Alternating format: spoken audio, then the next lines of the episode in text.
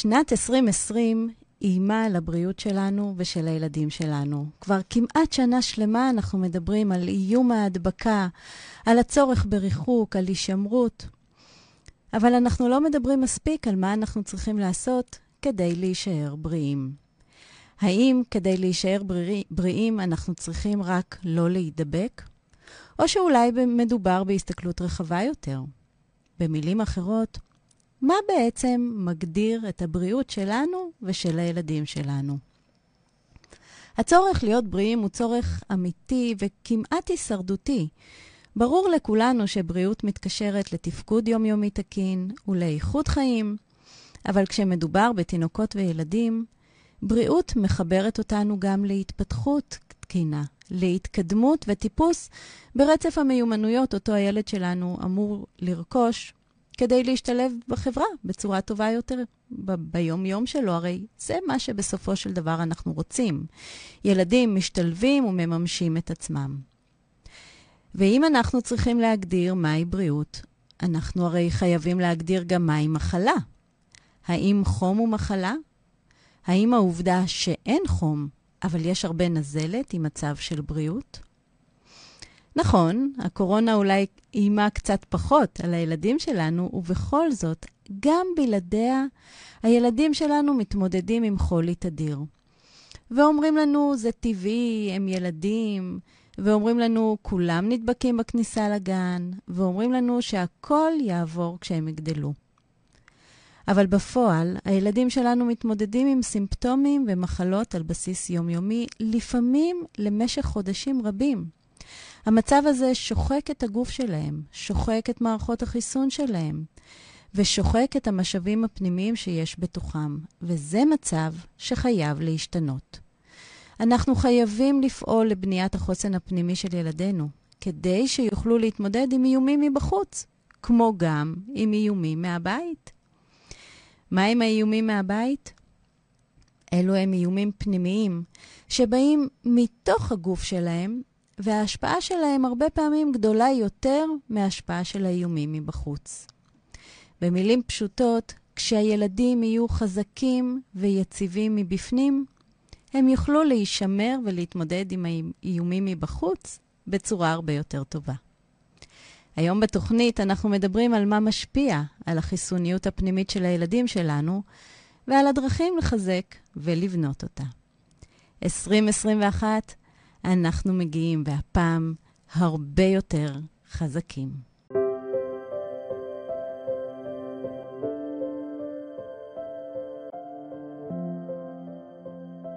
היי, אני טל קבסה, מייסדת הגישה לרפואה הוליסטית לילדים, ואתם מאזינים למדברים ילדים, הפודקאסט העוסק בקשר שבין תהליכי ההתפתחות של התינוק והילד ותפקודי היומיום. עד גיל שנתיים בונה התינוק תשתיות המכינות אותו לחיים. אלא שהאופן בו הוא בונה אותן ישפיע על התפקוד שלו לא רק בשנים הראשונות, אלא גם בחייו הבוגרים, ולנו יש אפשרות להשפיע עליהן. ככל שנבסס את התשתיות בצורה הנכונה, ככל שנאתר קשיים מוקדם וניתן להם מענה, כך נבטיח לילדים שלנו עתיד מלא מימוש. הפודקאסט הזה מוקדש לכם ההורים, להנגיש לכם מידע ולהציע כלים באמצעותם תוכלו להשפיע על עתיד הילדים שלכם. מדברים ילדים, אנחנו מתחילים.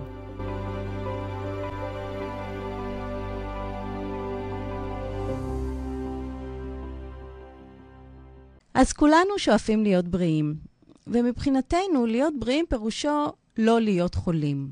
אבל המשוואה הזאת לא כל כך מדויקת. כי בריאות היא לא לא להיות חולה, אלא להיות מסוגל להתמודד עם חולי באיכות טובה ובפרק זמן יעיל. מה שמגדיר בריאות זו היכולת להתאושש ולהתגבר על מחלה, ולא בהכרח החולי עצמו. ילד בריא הוא ילד שיש לו חוסן גופני, שהתשתיות הגופניות החיסוניות שלו יציבות וחזקות. גם בזיהוי של מחולל המחלה, אם זה וירוס או חיידק, וגם ביכולת להתמודד מולו, וגם באיכות של ההתאוששות לאחריה. כל זה מגדיר את הבריאות. ויותר מזה, ילד בריא הוא ילד שחולה בין פעם לפעמיים בשנה במחלה אמיתית, כן, כן, בדיוק, בדיוק כפי שזה נשמע. ילדים בריאים צריכים להיות חולים פעם, פעמיים בשנה. אגב, אנחנו, המבוגרים הבריאים, אמורים לחלות במחלה אמיתית, טובה, כזאת, אחת לכמה שנים. ומיד נבין למה הכוונה. אבל למה חשוב להיות חולים? הגוף שלנו חי ודינמי. ודאי, ודאי כשמדובר בתינוקות וילדים שמתקיימים אצלם כל הזמן תהליכים של גדילה והתפתחות. זה אומר שהם מתקיימים בגוף שלהם על בסיס קבוע, תהליכים של בנייה והרס, תהליכים של יצירה ושיקום, של הזנה ופינוי, וכל אלה הם חלקים מתהליכים של חולי והחלמה.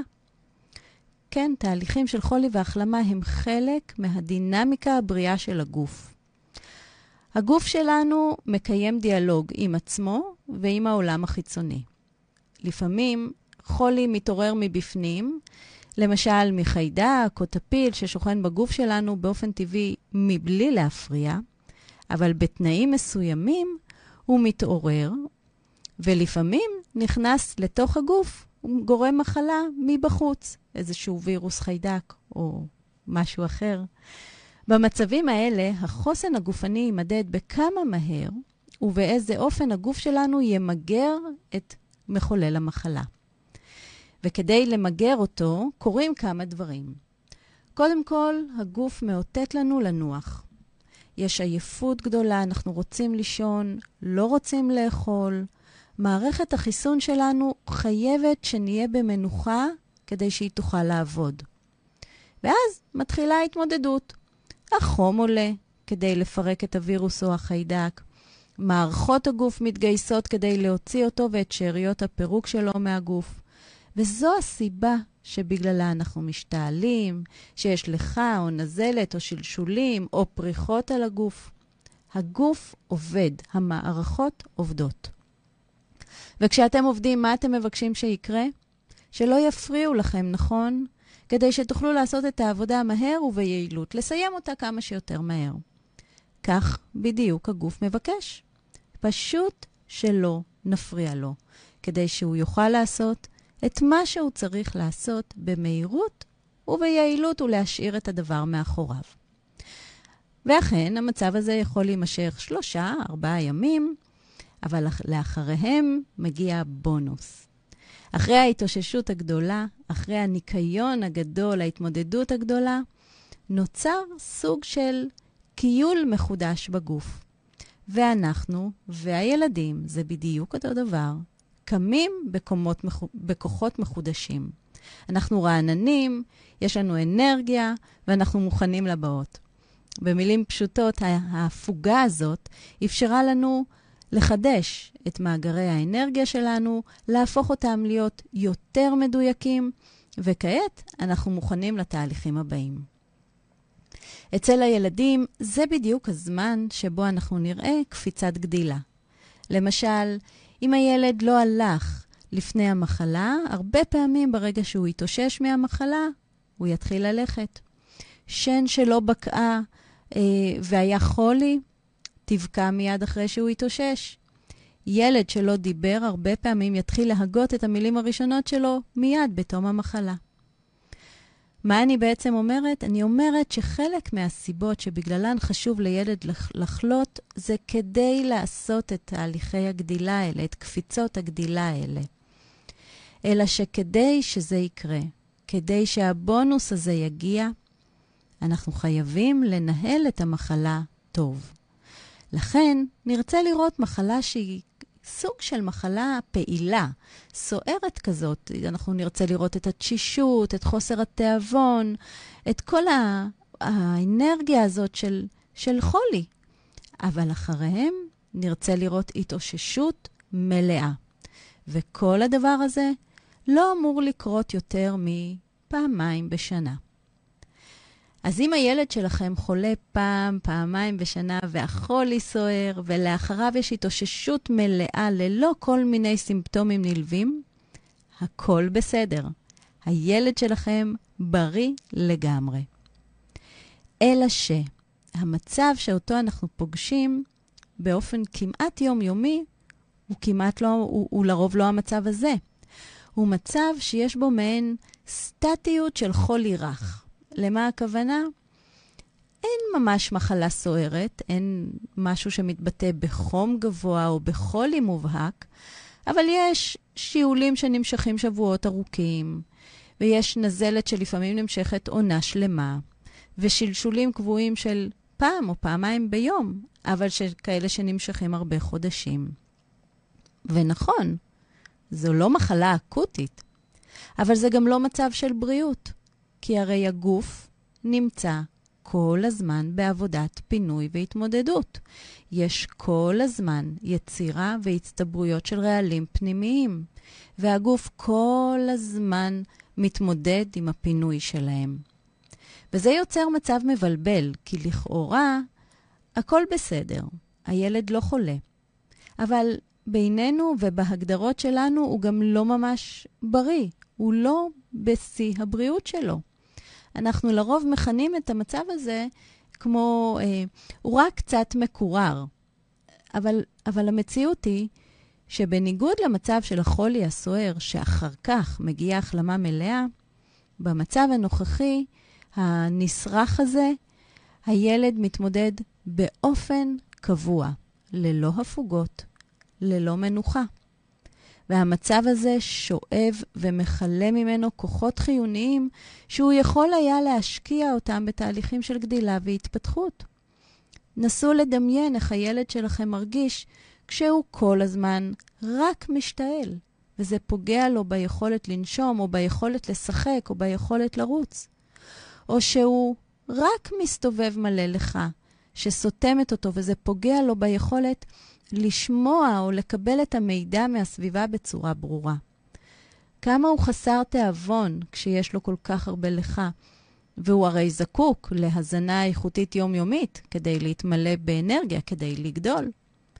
כמה אנרגיות הוא צריך להשקיע בתוך העמימות הזאת, בתוך המצב הזה שדורש ממנו מצד אחד להיות שותף פעיל ביום-יום, ומצד שני להתמודד עם איזושהי, איזשהו אתגר. למעשה, בזמן הזה אין הבחנה ברורה בין זמני החולי לזמני הבריאות. מה שיש זה, זה שינויים בעוצמות החולי. בין זמנים שבהם יש האצה או עלייה של סימפטומים, לבין זמנים שיש בהם ירידה בעוצמות. אבל מה שברור, מעל לכל ספק הוא שזה לא מצב של בריאות. כי במצב של בריאות אין סימפטומים כאלה. במצב של בריאות אנחנו לא רואים את השאריות של החולי הזה. המצב הזה של החולי המתמשך הוא מצב מחליש. הוא מצב שגובה מחיר מהגוף, ודאי כשמדובר בגוף שצריך להשקיע את כל המשאבים שלו לגדילה. אז למה זה בעצם קורה? זה קורה כי זה, זה בעצם מצב כרוני שמתפתח ממצב אקוטי שלא קיבל מענה עד הסוף.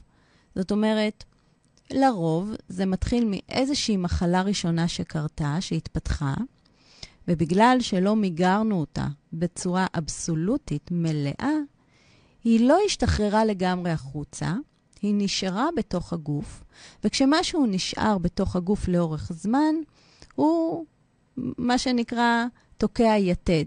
הוא חודר שכבה אחת פנימה. המחלה הפכה להיות טיפה יותר עמוקה. היא גם הפכה להיות קצת יותר שקטה. הסימפטומים נראים יותר קטנים אולי, שקטים, אבל אל לנו לטעות, הם יותר עמוקים. וכשהם יותר עמוקים, המחלה עלולה להתחיל לערב מערכות יותר פנימיות. זו כבר לא המחלה הזאת של השכבות החיצוניות, זה כבר משהו שעלול להתפתח למחלה יותר עמוקה. לאורך השנים, אולי לא בילדות, אבל לאורך השנים, המצב הקבוע הזה הוא הבסיס להתפתחות של מחלות כרוניות. מחלות דלקתיות, מחלות מפרקים, מחלות מעי, מחלות אוטואימוניות. זה בעצם מצב שבו הגוף כל הזמן מתמודד. בקטנה, בעצימות נמוכה, אבל כל הזמן מתמודד ונשחק. במילים אחרות, יכול להיות שהסימפטומים שותקו, אבל לא המחלה עצמה. היא ממשיכה להתקיים ברבדים יותר עמוקים בגוף. אלא שהפעם הגוף קצת חלש בשביל לעורר את אותם סימפטומים חזקים, שמטרתם לטפל במחלה.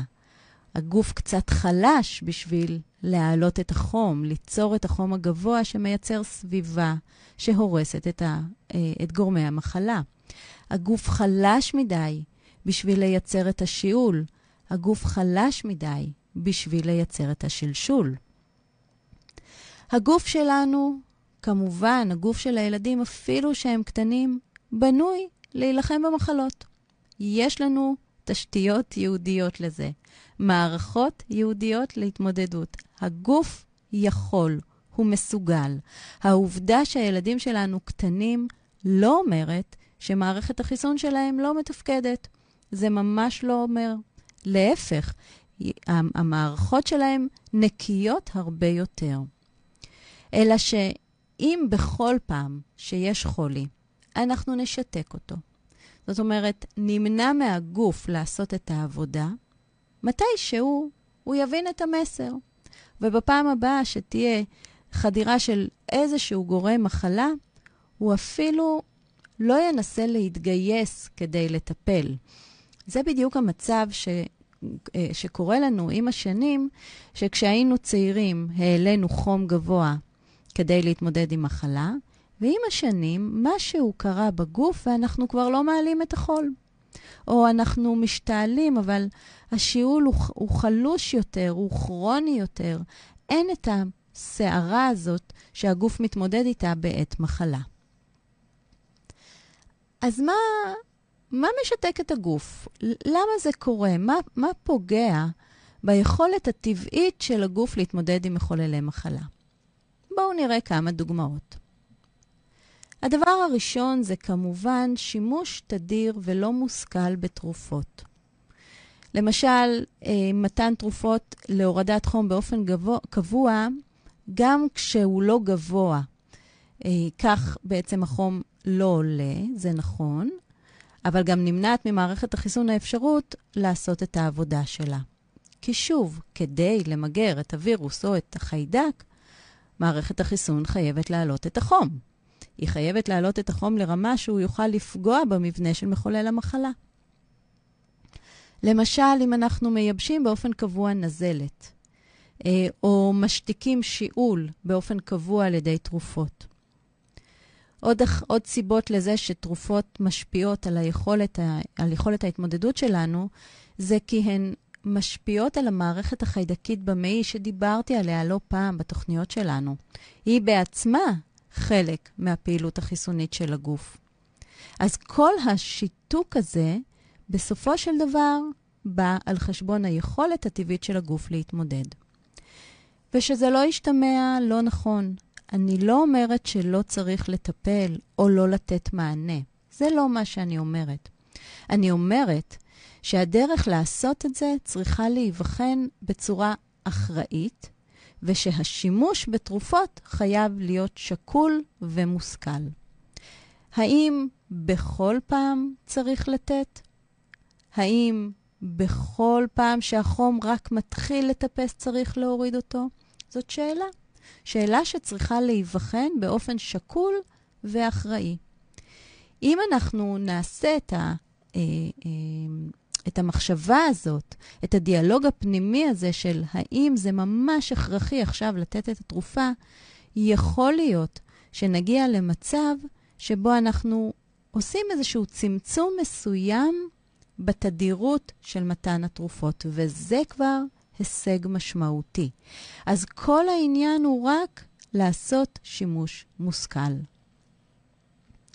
הדבר השני שפוגע ב, ביכולת החיסונית של הגוף זה העמסה של עומסים מיותרים.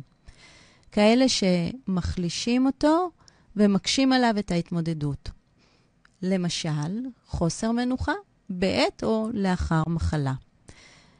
הרבה מאוד פעמים, בגלל המחויבויות היומיומיות שלנו, אה, אנחנו לא יכולים להרשות לעצמנו להיעדר ימים ארוכים מהעבודה.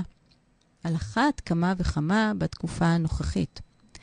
ואז, לאור הנסיבות המורכבות האלה, נוצר מצב שאנחנו נותנים לילד תרופות, מנסים להאיץ את ההחלמה, וכשאנחנו רואים שמתחיל שיפור, אנחנו שולחים אותו חזרה לגן, או לבית הספר, או לפעילויות שלו אחר הצהריים. כשלמעשה, על פני השטח נראה לנו שאין יותר סימפטומים, משמע הוא לא חולה. אבל האמת היא שהוא עדיין לא החלים לגמרי. הגוף שלו עדיין מתמודד, אלא שכעת, אחרי שהחזרנו אותו לשגרה שלו, הוא גם צריך לגייס מתוכו עוד הרבה יותר אנרגיה, לא רק בשביל ההחלמה, אלא כדי להיות בפעילות היומיומית שלו, להיות חלק מהקבוצה שלו, לשחק, להיות בריכוז, ללמוד, מה שעוד יותר מתיש אותו ומשאיר לו עוד פחות כוחות להתמודד עם מה שהוא באמת אמור להתמודד עכשיו, וזה מיגור המחלה וההתאוששות. בזמן המחלה הילד לא רעב, אין לו, אין לו תיאבון, זה, זה לגמרי לגמרי טבעי, גם אנחנו מרגישים את זה כשאנחנו חולים. הדבר האחרון שבא לנו זה לאכול, לא נעים לנו, לא טוב לנו. גם הם מרגישים בדיוק אותו דבר. לנו, ההורים שעומדים מהצד ומתמודדים עם ילד חולה, אנחנו רואים את הקושי, אנחנו רואים את הסבל, וקשה לנו. קשה לנו להתמודד עם זה. ולפעמים, כדי בכל זאת לגרום לו לאכול משהו, אנחנו מציעים פינוקים. אז אנחנו מציעים איזשהו משקה ממותק, אולי איזשהו מעדן, אולי גלידה. העיקר, העיקר שיאכל, שייכנס לו משהו לגוף. ובהמשך לזה אנחנו לפעמים מציעים השלמות של האכלות בלילה. הוא הרי לא אכל כל היום, לפחות, לפחות, שיאכל בלילה, שייכנס לו משהו לבטן. והפעולה הזאת עוד יותר מזיקה מאשר עוזרת.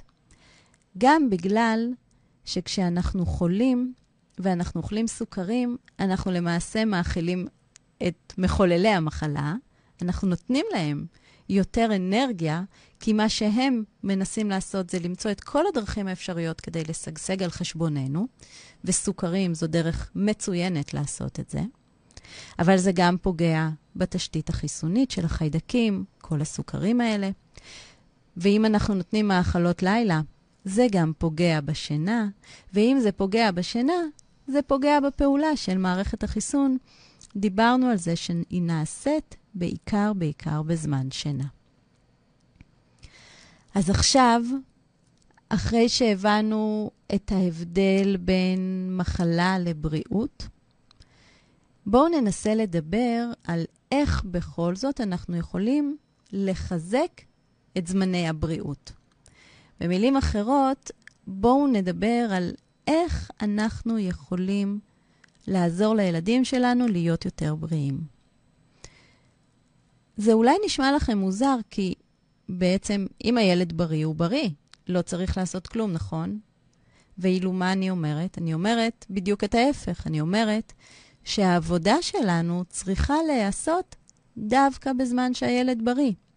כשבזמן המחלה, דווקא אז, אנחנו צריכים לעשות פחות. פחות. זמן הבריאות זה זמן של בנייה. זמן המחלה זה זמן של מנוחה. בזמן המחלה נחים ולא עושים כלום חוץ מלהקל את הסבל. בריאות זה, זה דבר מאוד מאוד עדין, הוא יכול להשתנות בכל רגע נתון. מי כמונו מכיר ומבין את זה אחרי השנה הזאת שעברנו. וכדי שהבריאות הזאת תהיה יציבה, צריך לתחזק אותה כל הזמן, יום-יום. זמן הבריאות הוא הזמן שבו אנחנו אמורים לפעול כדי לייצב את התשתיות האלה בגוף. זה הזמן שהכי חשוב להשקיע במניעה. וזה, ויש לנו המון דרכים לעשות את זה. כי ככל שנחזק ונייצב את התשתיות הגופניות בזמנים הטובים, כך נחווה את השינויים הכל כך מהותיים שאנחנו מייחלים להם. הילד יהיה חולה בתדירות נמוכה הרבה יותר. המחלות תהיינה יותר אפקטיביות. ההחלמה תהיה טובה יותר, מלאה יותר. ואז יהיו גם משאבים פנויים לגדילה, לצמיחה ולהתפתחות. אז איך אנחנו יכולים לגדל ילדים בריאים? אנחנו תמיד מדברים בתוכנית על חמש תשתיות. בכל פעם אנחנו מדברים על תשתית אחת, ותמיד מזכירים את החיבור לשאר התשתיות. כל חמש התשתיות האלה נבנות במהלך השנים הראשונות לחיים, ומשפיעות על כל התחומים, על כל תחומי החיים של התינוק והילד. כל אחת מהן תורמת את תרומתם, את תרומתה לתפקוד היומיומי, אבל גם לבריאות של התינוקות והילדים שעליה אנחנו מדברים היום. ומכאן, שאם אנחנו רוצים לייצר ילד, אם אנחנו רוצים לבנות ילד בריא, אנחנו צריכים לייצר איזון בין כל התשתיות האלה, בין כל הגורמים האלה. כי כדי לייצר בריאות או לבנות אותה, זה לא מספיק רק לא לאכול מוצרי חלב, או רק להיות בפעילות גופנית, או רק לחשוב חיובי. כדי להיות בריא צריך, צריכים עוד גורמים להתקיים. זה מהלך אה, מערכתי של הגוף, שכל דבר גורם, תורם לו עוד איזשהו משהו. אז בואו נזכר רגע בתשתיות ונראה מה התרומה שלהם לבריאות של הילדים. אז יש לנו, כמו שאמרתי, חמש תשתיות. יש לנו את התשתית של המוטוריקה, שאחראית בעצם על כל התפקודים המוטוריים של הגוף, מיד אני אגע בה. יש לנו את התשתית של השינה והוויסות. יש לנו את התשתית של התזונה. יש לנו את התשתית של הבריאות, ויש לנו את התשתית תשתית של החינוך והאווירה המשפחתית.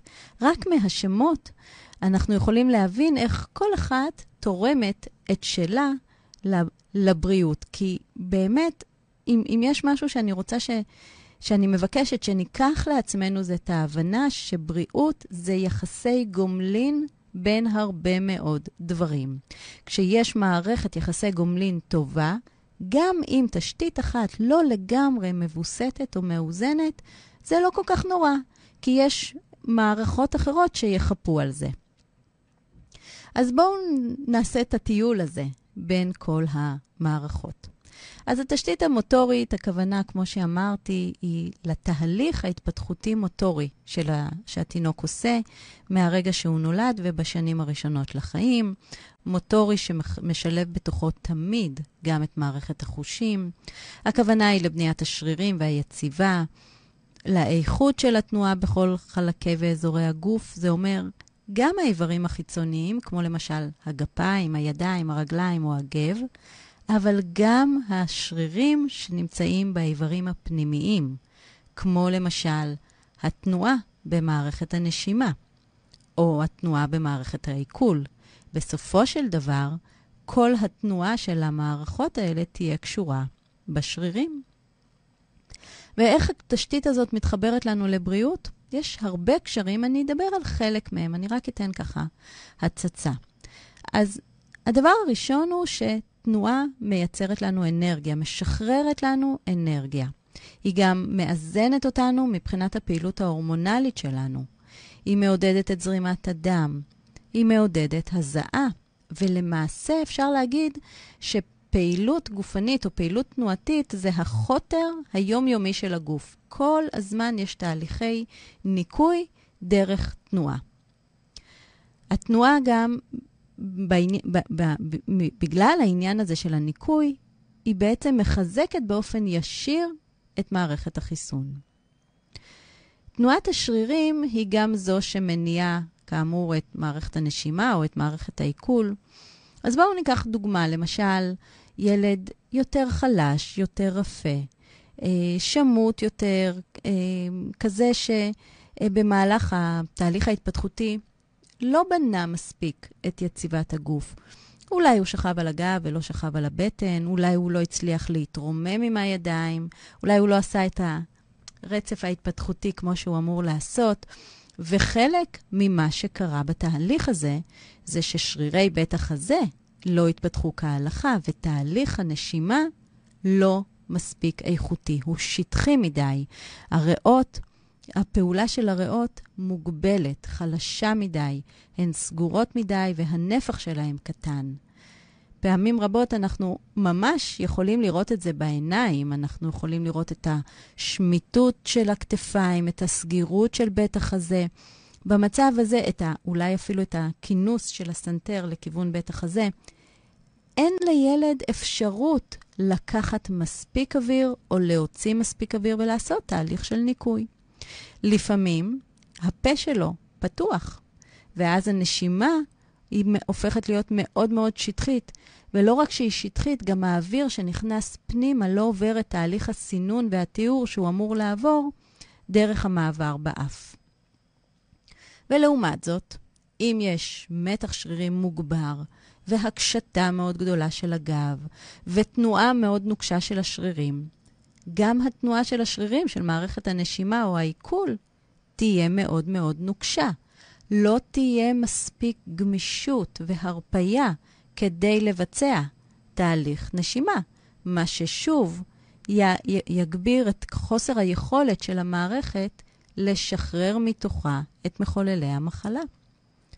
במצב הזה של המתח המוגבר הזה יש גם הרבה מאוד סטרס. הורמוני עוררות פעילים מאוד, אדרנלין, הורמונים נוספים, מה שמשפיע גם כן על מערכת החיסון. כך שהדבר הראשון שאנחנו נרצה לעשות כדי שהילד שלנו יהיה יותר בריא, זה לחזק את פעולת הגוף והשרירים, לעודד את התנועה, לחזק את היציבה. זה יהיה בסיס מאוד מאוד ראשוני ליכולת שלו להתמודד עם מחלה. מה לגבי תשתית השינה והוויסות? התשתית הזאת אחראית ליצירת מנגנונים של ויסות. דיברנו על זה בהרבה תוכניות, מנגנוני ויסות ראשוניים כמו רעב ושובע, שינה וערות, עוררות והרגעה, ויסות חושי, ויסות רגשי, ויסות עצמי. כשהשינה היא בעצמה גורם מווסת חשוב מאוד, כי בזמן השינה נוצר איזשהו קיול מחודש של המוח, והגוף יכול להטמיע שינויים. אז מה הקשר של התשתית הזאת לבריאות? ילד שיש לו קשיים בתהליך הוויסות החושי, לרוב יחלה יותר, בדיוק מהסיבה הזו שיש לו קושי להסתגל לשינויים ומעברים. כן, אחד הביטויים לקושי להסתגל למעברים הוא חולי. אנחנו מכירים את זה גם על עצמנו. אה, אה, יש איזשהו משבר או אה, אירוע לא צפוי, אנחנו חולים. משהו קרה מבלי שידענו, הגוף שלנו מאותת.